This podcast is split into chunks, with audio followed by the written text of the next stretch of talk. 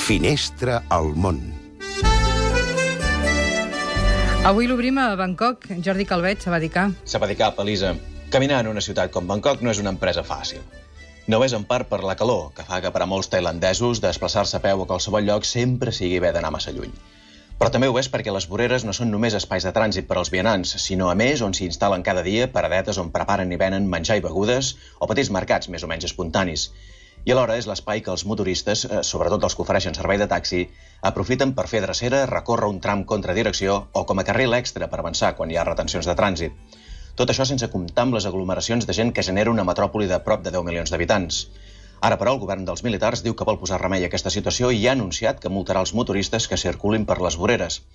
Serà curiós veure com s'ho fa la policia, que normalment sol comptar-se entre els principals infractors.